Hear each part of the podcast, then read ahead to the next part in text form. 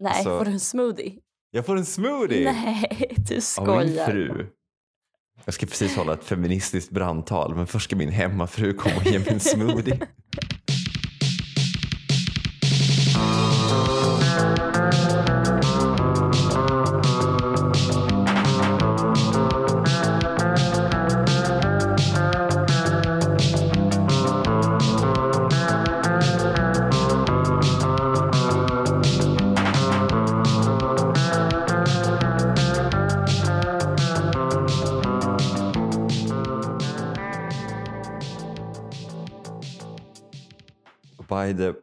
power invested in us by our två ljudfiler. When you Ja. combine, them you get tusen saker. En podd om tusen saker där vi betar av saker vi har skrivit i en lista under tre års tid. Jag, jag vet inte, jag, jag känner att jag måste säga tre års tid varje gång som ett litet skryt. Ja, men vad är det ett skryt om? Jag menar att vi har, ägnat, att liksom vi har eh, Vi engagerat oss. uthålliga. Ja, vi har Ja. engagerat oss i ett projekt i tre års tid. Ja. som någon sån YouTube-video liksom bara Yeah, th- this guy um, took a photo of uh, his uh, pet every day in Just 10 det. years. Precis. These friends texted each other in a very omständlig way for three years. Egentligen, alltså jag skulle liksom gärna lägga upp en video på Stefan Löfven och bara This guy ruled the country for eight years. alltså alla jag håller på med saker i flera år menar du? Det är Ja, inte typ ovanligt. Ja. This guy showed up to Försäkringskassan each vardag, for 30 years. Precis. Det här är ju vår hobby så det är lite som att vi skryter om att these people eh, s- spelar tennis i tre år. Exakt. Ja. Jag har cyklat varje dag i nästan 27 år. ja. Man kan ju göra någonting unikt som till exempel Anne Hathaway äter en cupcake. Att hon bryter av toppen eh, på cupcaken. Så de får med lite, lite bröd och all frosting. Och sen flippar de på det och trycker ihop frostingen mot cupcakens botten. Så det blir som en hamburgare med frosting i mitten. Det låter som en väldigt eh, tråkig person. Jag menar inte att det, alltså så här, jag menar inte att det är basen för Anne Hathaways personlighet. Det som har lett till alla filmroller. Jag menar bara att här, den, man kan liksom antingen göra någonting som är väldigt unikt i, vad ska man säga, utförande. Men du kan ju också göra någonting som är väldigt unikt i liksom, tid och rum. Men det är som när du har dina kulturprator med många referenser. Då är jag så, guy is forced to come up with 25 different ways to say jaha. Har du vanor som du har haft hela livet? Eh, nej, det har jag väl inte. Men jag tror att ett väldigt typiskt liksom, manligt drag är att jag gör, jag provar någonting nytt en gång och så funkar det så bara fortsätter jag göra det. Ja, men det, är- alltså, det är någonting med mäns förmåga att eh, ha, ha rutiner eller liksom fatta rationella beslut. Typ. Mm. Nu låter det som att jag bara, kvinnor är från Venus och män är från Mars. Kvinnor är känslostyrda och eh, män är rationella. Men eh, vet inte, det känns som att en kille skulle kunna bestämma sig för att ja, men, bara äta kött då, som Jordan B. Peterson. Eller, Mm. Och sen bara hålla på med det i 30 år. Meanwhile så kan inte um, Lena Nyman ens hålla en diet i två dagar. Hennes liksom ägg och vindiet. Det, det kanske bara är skillnaden är att män är mycket mer lyckat ätstörda. Alltså, ja, jag, jag, jag vet inte. Jag vet inte ja. Nej, jag Alltså, skojar bara. Det var verkligen ett skämt. Eh, Hon eh, hade ju verkligen... Eh, Hon kunde verkligen hålla en diet. If you know what I mean. Ja. Eh, Jag jobbar ju på ett kontor med, med bara andra män. mm. Eh, jag är ju verkligen en, en lunch, eh, Eh, vad ska man säga, inte lunchkonnässör men en lunchentusiast. Men det är liksom stört omöjligt att göra med någon av mina kollegor. För att det är alltid så här, har du, har du eh, jag tänkte gå och prova den här nya asiatiska här borta. Jag har matlåda. Jaha. Ja, det var ju därför jag frågade. Har du inte födoämnen så kan vi gå och hämta födoämnen på den här platsen. ja. Men det är väl det som är så deppigt med sån här måltidsersättning. Som Huel. Human fuel. Mm. Jag ska bara tanka så kan jag återgå till, vet inte, göra mobilspel. Eller vad nu folk är. Ja, precis. Det är också roligt ja, att det är just sådana personer som man bara... Alltså, ta din tid gubben. Vi, det är ingen som saknar dig. Eller liksom, vi är så, så viktiga är du inte. Vi behöver inte ditt mobilspel just idag. Punkt 423. Alexander Pärleros favoritlåtar är alltså Calcutta av Dr Bombay, Tänd ett ljus av Mel Trad, eh, Teddybjörnen Fredriksson, allt med Backstreet Boys och en del låtar med Spice Girls. Ja. Jag tror att det det här är från en intervju han gjorde med Sara Larsson. Mm. Som jag minns det så var det inte i något direkt sammanhang utan han, han förde på tal då att, och liksom gav Sara Larsson sin fullständiga lista över favoritlåtar. Mm. Och då var det de här låtarna. Det som förenar dem är väl att det inte är en musiksmak. Det är bara ungefär som att man skulle söka upp musik.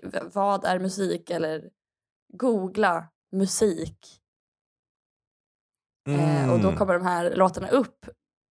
Kanske i synnerhet om man är född på 90-talet så är det någon typ av låtar man lyssnade på eller råkade höra som barn. Eller... Mm.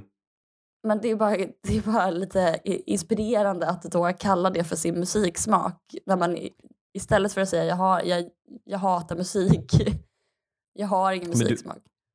Du tänker att det här är en sån, eh, att man har släppt lös en sån AI som man kan se på Youtube. Alltså så, vi, vi skapade en AI och så lät vi den um, försöka lära sig att måla um, renässanskonstverk. Mm. Här är de första tusen tavlorna. Att man liksom, vi skapade en AI och så åt den, vad har du för favoritlåtar? Och så fick den bara, Men eller så, vi skapade en AI som hatar musik men som måste prata med Sveriges största artist mm. och inte vara oartig kanske. Ja, Du menar det här är liksom vad man får upp om man googlar, vad är musik? Ja men alltså, kanske precis innan, han har kanske glömt göra det. Det är inte jättebra research heller även om han har googlat. Mm. Men jag tänker att han liksom glömde bort, han bara just det. Mus- vi ska ju prata om, hon är ju musiker. Herregud, jag vet ingenting om musik. Och så liksom i sista stund så kanske han eh, kollade upp då eh, musik. Nu ska vi se, jag, jag, jag testar att googla musik här då. Mm. Um, det första som kommer upp är ju en massa videos med så här, svenska sommarmusik 2021, bästa hits, bästa lugn svenska musik, bla bla bla. Sen så dyker det upp några frågor här under. Och då finns det en fråga som är vilk, vilka genrer finns det? Ja, vilka genrer finns det då? Um, och då finns det fem genrer här. Det här är ju Alexander Pärleros som har googlat. Japp. Um, då finns det alltså pop. Eh, Ja. Sen finns det rock. Det, rocken uppkom under 1950-talet och är idag en av nutidens viktigaste genrer. är idag en av nutidens. Varför är det så kul när människor, det är också så, människor som inte kan skriva försöker, så här, we, we, we made an AI that's trying to be eh, journalist. Formell. Ja, men okej, men det här nutida, men det, det är ju nu. Det ska vi ha med. Mm. Men hur vet man att det inte är nutida fast i en annan tid? Vänta, jag måste förtydliga det här. Det är, ingen kommer hänga med. Ingen kommer förstå. Jag lägger till idag. Det är rocken. Ja. Eh, sen har vi dance. Då står det inom parentes då. Electronic dance music kan både förkortas till dance och till EDM. Det här är faktiskt nyhet för mig. Alltså jag visste inte att den här genren fanns. Ja, nej men det står då eh, dance är en musikgenre som riktar sig främst till dansgolven. Jag tror också det är till en gång sån här AI-användning av musikgenren riktar sig främst till dansgolven. Alltså så här, vad, okej, vad riktar den sig till sekundärt? ja, Riktigt obehagliga killar på tunnelbanan som har alltså så här, riktigt läckande hörlurar. ja, men för jag tänker att det, den riktar sig till dansgolven men låt inte det hindra dig från att vara en obehaglig kille på tunnelbanan. Riks, Riksorganisationen för dans har inte liksom haft ett sånt möte när de, de liksom ska rikta sig då först och främst till dansgolven och sen i andra hand killar på tunnelbanan. Men de lyssnar alltid på det på de så här udda, alltså så 6.30 på morgonen så sitter man där och liksom dreglar till P1 morgon och så sitter det någon bredvid som, som man liksom bara hör då och då så.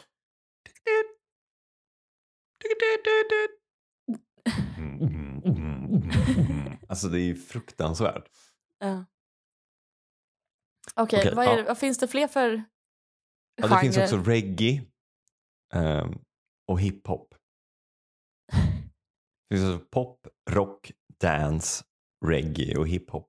Det är de fem genrer som finns. Det här är allt Alexander Pärleros vet om musik just nu. Det är så himla konstigt bara att, liksom ta med dance och reggae. Men i, inte R&B, soul, ja, blues, jazz, gammeldans. elektronisk musik. De har inte ens med techno. Men det, det, kan man inte liksom knöla in det i dance? Jag vet inte. Jag kanske trampar på lite tår här. Ja, jag visste ju som sagt inte vad dance var fram till för några minuter sedan. Så det är möjligt att det är ett paraplybegrepp då. För blues, jazz, soul och techno. Och gammeldans. Och Kalle Julabo. Men då då, tänkte att att nu sitter han, han har skrivit, jag vet inte, han har tagit ett stort block och en tuschpenna Ja, och så har han skrivit upp pop, rock, dance, reggae och hiphop. Och så, och så bara, ja men då måste jag ge Sara Larsson ett, ett bra svar då, enligt de här. För det är de som finns, ja just det. de genrerna. Och då, Han vet inte han i- vilken musik hon gillar heller. Av dem. nej, så då säger han bara alla genrer. Alltså, så- och, då är liksom Calcutta av Dr Bombay, jullåten Tänd ett ljus, Teddybjörnen Fredriksson, allt med Backstreet Boys. Men bara en del låtar med Spice Girls. och det motsvarar då menar du, alltså. Calcutta Ja, tänker- är då EMD, eller vad hette det? EMD är ett band kanske? Electronic, electronic Music Dance.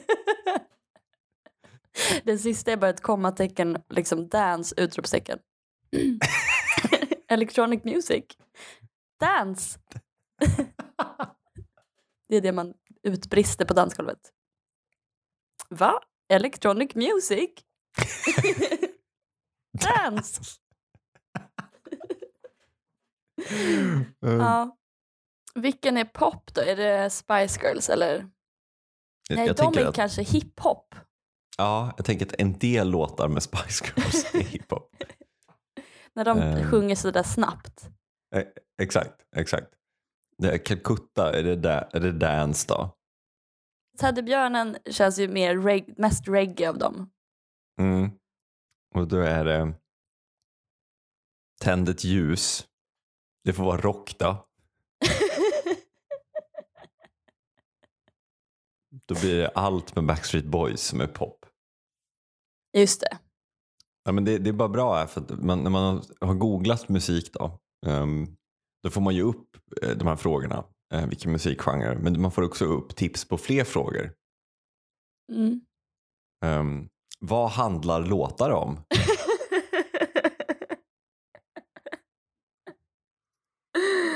Ja, exakt det här känns som att Alexander Pärleros, äh, jag, jag tror att han kanske frågar Sara Larsson det. Det är en av hans intervjufrågor.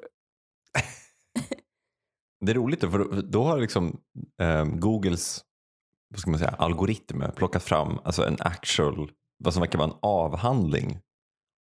Musiken, du, du, vad handlar låtar om? Då står det, musiken har alltid betytt mycket för människan genom alla tider. Alltid genom alla tider. Mm. Genom alla tider, idag. Eh, musik är ett sätt att uttrycka sig och den ger oss mening till vårt liv. Men på samma sätt som musiken ger oss mening så kan vi ge musiken mening.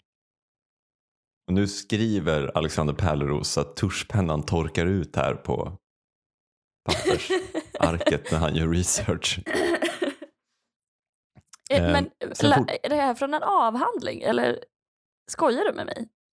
Det är, från ett, det är ett examensarbete från lärarutbildningen i musik. Musik har alltid betytt mycket i alla tider. Men det, är väl, alltså det kan man väl säga, musik har bytt, eh, betytt eh, omväxlande mycket i alla tid. Alltså, ja, men musiken har alltid betytt mycket i alla tider. eh, oförändrat alltså mycket. det har alltid betytt exakt lika mycket.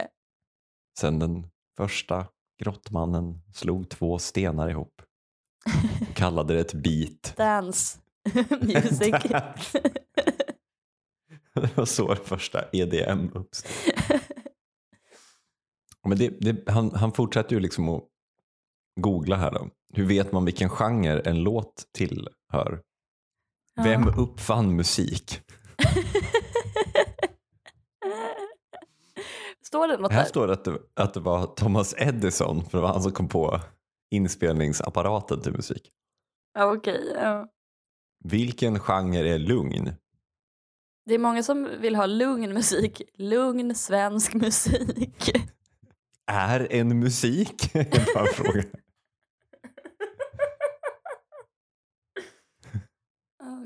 Hur viktigt är musik? Vad använder man musik till? Den tror jag Alexander Pärleros har skrivit när han har googlat allt det här nu så bara hmm, är det bra? Vad? Ah. Jag tänker att, att, att det är ett uttryck för bara att han inte vill tänka. Alltså för att men man kan ju ha en musiksmak som är liksom artistisk. Ehm, Men sen finns det ju vissa låtar, bland annat då Calcutta av Dr Bombay. Ehm, Om man inte för djupt försjunker i identitetspolitiska träsket så kan man lyssna på den. Ehm, Bara för att inte tänka. Problemet då om vi bara tänker att man kan välja liksom opolitiska låtar som man blir glad av, typ Tänd ett ljus, um, Teddybjörnen Fredriksson. Allt Mm. med Backstreet Boys. Men vissa låtar med Spice Girls, det är ju att det finns ju inget som är liksom opolitiskt egentligen. Ja, okej, du, men du tänker att han ändå har försökt, han, det är någon typ av motsvarande politikersvar att så här, inte ta ställning. Exakt, exakt. Vad gör folk glada? Jo men det är ju den här killen från Halmstad som låtsas vara en indier. Men allting är ju politiskt. Spice Girls om något är ju oerhört politiskt. Liksom. Ja, det är verkligen. Men, eh, men, det är, men jag tänker tvärtom. Att, det in, att det, det säger väl mer om att han har kanske en politik än om hans eh, intresse för musik. Alltså vilket också när eh, Fredrik Reinfeldt svarade att han gillar eh, kas, eh, Kaskada eller vad var det? Ja, Ace of Base. Ace of Base. Alltså det är ju, det är, det är ju verkligen en moderat musiksmak på det Mm. sättet att det handlar, det, det är ju människor som eh, inte har ägnat en sekund av sina liv åt att tänka på konst.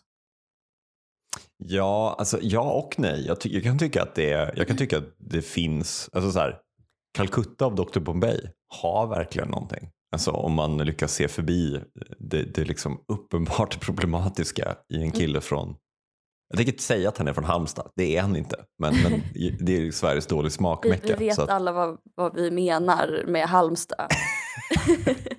du fattar vad jag menar. Ja. Eh, han var född i Halmstad om du fattar vad jag menar.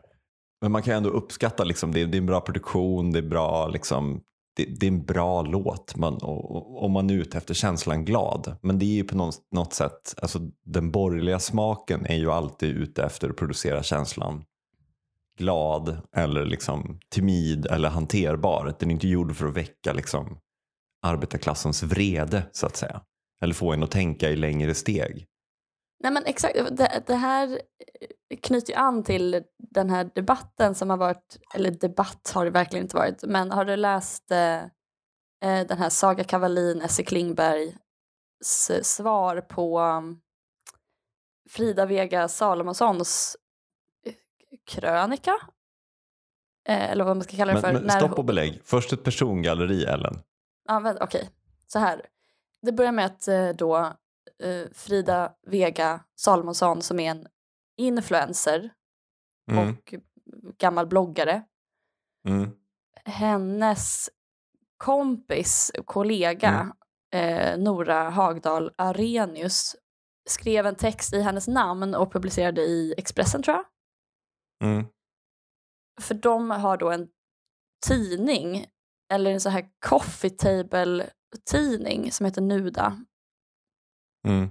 Som är i princip en enda stor eh, reklamtidning. Eller det är lite, det är liksom lite texter, intervjuer med typ Slavoj Zizek eh, och Carolina Gynning. Mm. Kanske en, ett foto fotat med blixt på eh, en en efterfest, bordet liksom, på en efterfest så är det kanske en blixt i ett glas. Alltså den typen mm. av estetik, tänker jag mig. Mm. Och sen är det då jättemycket reklam. Och eh, den svarar då på en gammal, eller två gamla artiklar av Essy Klingberg som är kulturredaktör numera tror jag på SvD och eh, Saga Kavalin i DN. Och Saga Kavalin skrev att re reklamen är fortfarande livsfarlig. Eh, men, det, men det är också kul för att den här, det var liksom för åtta månader sedan. Så att den här Nora Hagdal har liksom dragit sig tillbaka eh, och riktigt gnuggat geniknölarna i åtta månader. Och sen kommit med, den här, med det här svaret då. Vilket också Saga Kavalin väldigt roligt skriver om i sitt svar nu då till den här artikeln. Min museala artikel från, sen, från åtta månader sedan. Vänta nu, jag måste, jag måste tänka efter vad var det jag sa, förlåt. Jag, eh, alltså, det var också väldigt kul att hon valde den vägen. Hon bara, för det första, jag har inte kallat er tidning för farlig. Den är bara extremt töntig. Eh, Och för det andra, jag har inte tänkt, det här är liksom inte, jag har inte tänkt på det här på uh, åtta månader. Men okej, okay, let's go liksom. Nej men för det som, det som artikeln handlar om är då att hon försvarar sin tidning, sin dumma, dumma, töntiga coffee table tidning. Mm. Med Baudrillard. Alltså postmodern teori då. Mm. Ja, hon skriver då, redan för 30 år sedan dödförklarades verkligheten av filosofen Jean Baudrillard. I det, I det högteknologiska postmoderna samhället vi kallar samtiden representerar bilder inte verklighet. Varor har inte nödvändigtvis ett användarvärde och det som betecknar och det betecknade har sedan länge kramat varandra adjö och festat vidare på egen hand. I det Baudrillard kallade för hyperverkligheten är allt och alla fakes och kopior utan original. Vi influencers betalas för att sudda ut linjen mellan sponsrat och genuint, det påhittade och verkliga. Jag, jag gick inte på den där middagen, jag äger inte den där tröjan. Jag känner inte henne, mitt hem ser inte ut sådär och jag har inte skrivit den här texten. Men sen kommer det ju då ett till steg av det här som är att ni har inte heller gått på den där middagen och ni äger inte heller den där tröjan och ni känner inte heller henne och ert hem ser inte heller ut sådär och ni har inte heller skrivit den här texten. Alltså Mm. det finns inget äkta identitet i en performance, jaget i en berättelse. Det finns ingen essens, det finns ingen autenticitet. Och så skriver hon, den riktiga lögnen är att vi hittat på alltihop. Vad vi gillar, hur vi ser ut och vilka vi är. Och det har ni med. Och då känner jag bara, tala för dig själv. Alltså blanda inte in mig i det här. Du får inte det här till att liksom vi är lika goda kålsupare. Jag har inte gjort en reklamtidning. Det är, det är verkligen bara du här som har gjort en reklamtidning. Mm. Eh, och jag har inga problem med min identitet, stackar som frågar. och jag upplever verkligen inte att eh, det är så att jag går runt och hittar på min identitet och eh, eh, åtminstone inte i den grad jag föreställer mig att eh, influencers måste göra. Mm. Så, och det finns väl i alla fall en, en pragmatisk eh, mening med att eh, alltså det, det, det här, den här ursprungliga Saga Kavalin-texten tror jag var lite så här det är dåligt när, verk, när eh, gränsen mellan reklam och eh, journalistik suddas ut. Eller Mm. reklam och konst. Och den här eh, Nora Hagdals text då handlar ju mycket om så här typ allting flyter Om det flyter, låt det flyta. För att citera Mange Schmidts vallåt för Moderaterna. Va? Nej? Ja, men vad, vad, vad heter det? Pantarej? Som Mange Schmidt sa. Pantarej. Får jag bara skjuta in, kan du tänka dig en liksom dödsnotis i en tidning? Eh, eller om en, en notis om en trafikolycka i en tidning. Där det står så, eh, ja, men typ två bilar i front, frontalkrock eh, på E4. Eh, den ena färdades i en Toyota. Han är död nu. Men den andra är den nya Volvo XC90. Som tidigt, tack vare inbyggda säkerhetssystem, upptäckte föraren och bromsade. Den här dödsnotisen är gjord i samarbete med Fonus. Tack Fonus.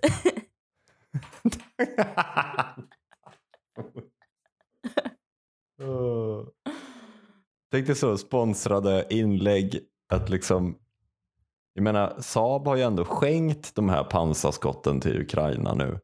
Kan inte liksom det minsta de begära tillbaka att de lägger upp tre Insta-stories när de paunar ryssar med dem. Ja, Tack exakt. Saab! Det är bara väldigt roligt försvar. Så här, vadå? Det gör väl inget att jag gör reklam för verkligheten finns ju inte.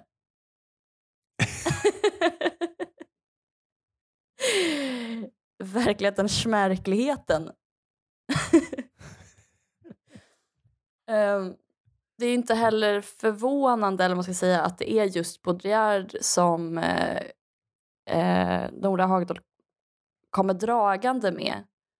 I Mm. alla fall inte om man får fråga Fredrik Jameson. För att han menar att postmodernismen är scenkapitalismens logik. Mm. Alltså det är det teoribygge som försvarar och förstärker scenkapitalismen. Mm. Eh, så, och det, det är ungefär det enda sättet man kan försvara att man gör reklam, att säga verkligheten, smärkligheten, vem bryr sig, inget, är, inget betyder något, allt är, på, allt är exakt samma sak. ja, det finns ingen bas, eh, ekonomisk bas, utan liksom men han menar också att, för när han pratar om scenkapitalismen och va- varför den här postmodernismen har uppstått Mm. så menar han att det, det är en konsekvens av att produktionen är dislocated eller eh, nej, det är inte så att det inte finns en ekonomisk bas. Det är bara att den är i Kina. Mm, mm, Det, det kan verka som om vi lever i någon slags så här bara kultursamhälle mm, där mm. produk- för produktionen är osynlig eller det ställer orimliga krav på vår fattningsförmåga att se hela, ta in hela den globala kapitalismen och Mm. alla led i produktionskedjan. Någon gruva i Kongo och sen är det en textilfabrik i Bangladesh. Men kvar blir bara en massa saker som magiskt dyker upp i våra Precis. hamnar. Precis. Och det är det, och, och exakt det skriver ju redan Marx egentligen att varan är spöklik på det sättet för att den, den framstår som om den är frikopplad allt sammanhang, eller den är frikopplad allt sammanhang. Så att man, Mm. eftersom vi arbetare är frikopplade resultatet av vårt arbete hela tiden så har vi svårt att associera eller bygga upp en bild av ekonomin i våra huvuden. Nej, men det är som, eh, det är som i, i eh, slutet av mars så var det ju strejk på en eh, pappersfabrik i Finland. Eller en Jaha. pappersstrejk i Finland. Eh, och jag vet inte det var själva etikettsfabriken eller om det var själva om pappersfabriken levererade till en etikettfabrik. Men mycket av, ja, av allt vi köper och all liksom, logistik är beroende av etiketter. Vart ska saker? Eh, vart ska den här delen? Vart ska det här hemlevererade eh, paketet? Liksom? Vi måste ha etiketter för att kapitalismen ska fungera. För att saker och ting byter händer så himla ofta. Så att varan behöver ha en egen, inte agens, men varan behöver liksom ha en etikett på sig med en kod. Och den kan inte vara kopplad till ett person eller företag utan den är kopplad till varan. Liksom. Varan får en egen identitet, ett eget pass i form av Mm. etiketten för att kunna resa världen runt. Och de här finska pappersarbetarna var inte nöjda med sina var inte nöjda med sina arbetsvillkor så de gick ut i strejk. Och eh, då riskerade en etikettbrist. Nu vet jag faktiskt inte hur det gick med det där för att jag har inte märkt något. Men ehm, Jaha, så, och hela, vadå, är hela ekonomin beroende av de här etiketterna? Ja, eh, bland annat Göteborgs-Posten pratar om det som samhällsfarligt och att arbetarna måste ta sitt ansvar och se till att den ekonomin fungerar. Liksom. Och det, Ah, det, det är bara spännande för att i den världen som vi pratar om nu, alltså den, vad ska man säga, med på port, postmodernism byggda världen där allting är flytande så är Mm. ju ingenting stabilt. Och allt, det vet ju vilken populist som helst, att allting behöver ha en stabil grund att stå på och rediga nävar som bygger och donar. Mm. Liksom. Eh, men om allting nu står och faller med eh, sjukdagar eller löneersättningar eller eh, kvaliteten på kaffe eller tillgång till toaletter på en finsk pappersfabrik.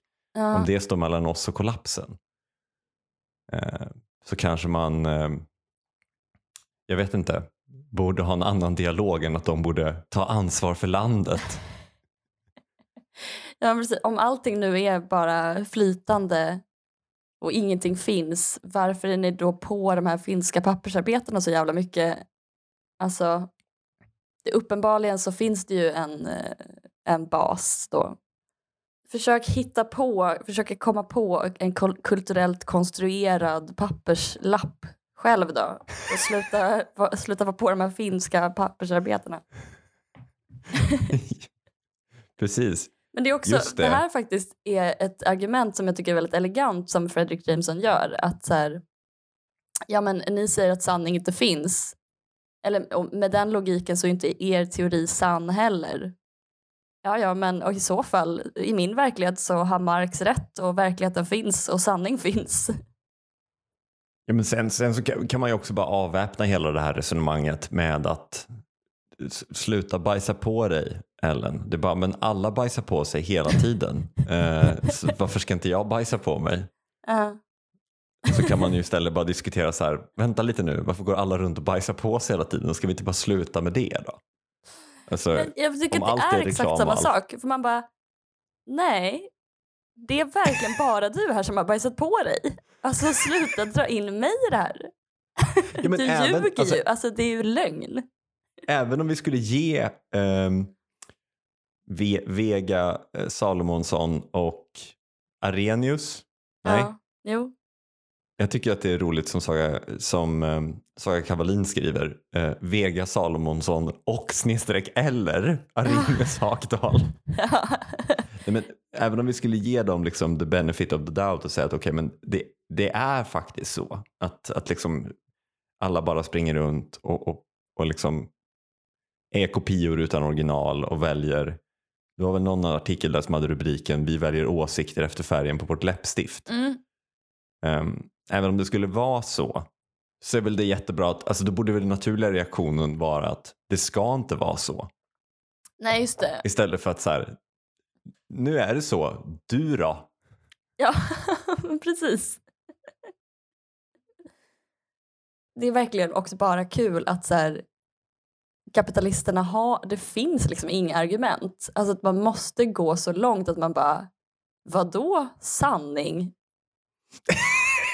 Det hade varit bra med, med rättvisa löner om det hade funnits en sanning.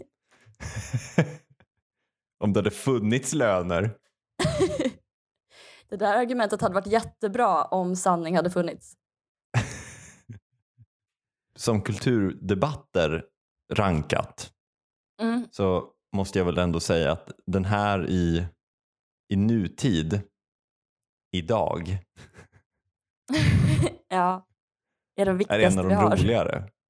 Är det här liksom är, är Aftonbladet, Expressen, DN och SVDs svingande mot varandra? Är det liksom wrestling för oss som aldrig har gjort ett marklyft? ja, men det är också kul. Jag bara föreställer mig Saga Kavalin så här.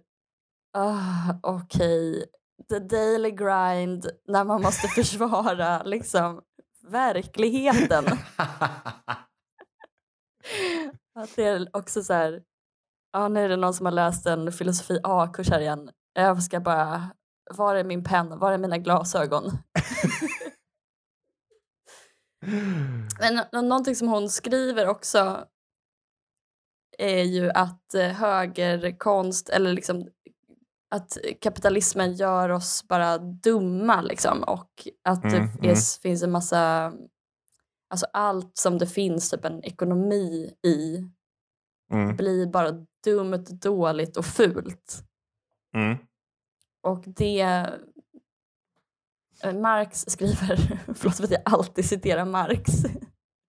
Det är så jävla störig personlighet. Men han, han skriver att eh, han jämför eh, Milton, Paradise Lost, med så här, den Mm. betalda skribenten. Och eh, han skriver att Milton skapar Paradise Lost som silkesmasken producerar silke som en aktiv bekräftelse på sin egen natur. Mm. Alltså ett genuint konstnärligt skapande eller eh, kritiskt journalistiskt tänkande har ju mycket mer att göra med liksom mänsklighetens natur, människans natur och eh, Mm. Mm. När man, så fort man måste sälja sin eh, hjärna typ Mm. så blir det bara liksom skit verkligen. Mm. Allas hjärnor är bara typ fyllda av bokstavlig skit. För att så här, de, vi är helt liksom varufierade, typ, vårt tänkande och vårt skapande.